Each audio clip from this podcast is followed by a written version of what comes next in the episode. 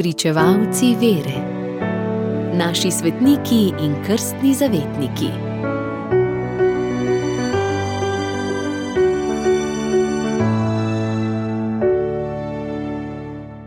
Petnajstega julija goduje sveti Bonaventura, kardinal in cerkveni učitelj. Bonaventura, to je redovno ime Janeza Fidanza, se je rodil okoli leta 1218 v kraju pri Viterbu. Še mlad je vstopil v red sinov svetega Frančiška Asiškega. Ko je v Parizu končal bogoslovne študije, je tam nekaj časa deloval kot profesor. Ko mu je bilo 36 let, je bil izvoljen za vrhovnega predstojnika reda in to službo opravljal do leta 1273.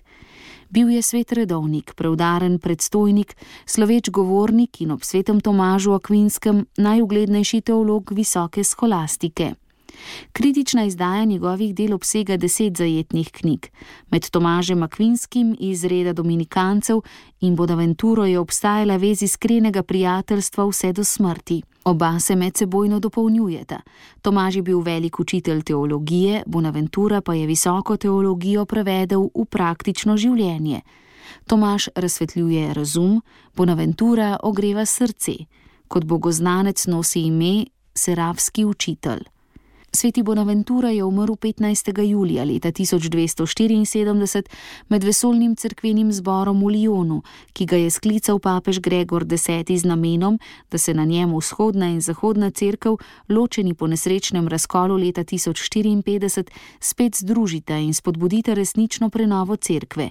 Pri vsej dobri volji se ta poskus ni posrečil in do povezave obeh crkva, ki nosita ime po Kristusu, žal ni prišlo. Za svetnika ga je razglasil papež Sixt IV. leta 1482, leta 1587 pa ga je Sixt V. uvrstil med crkvene učitelje.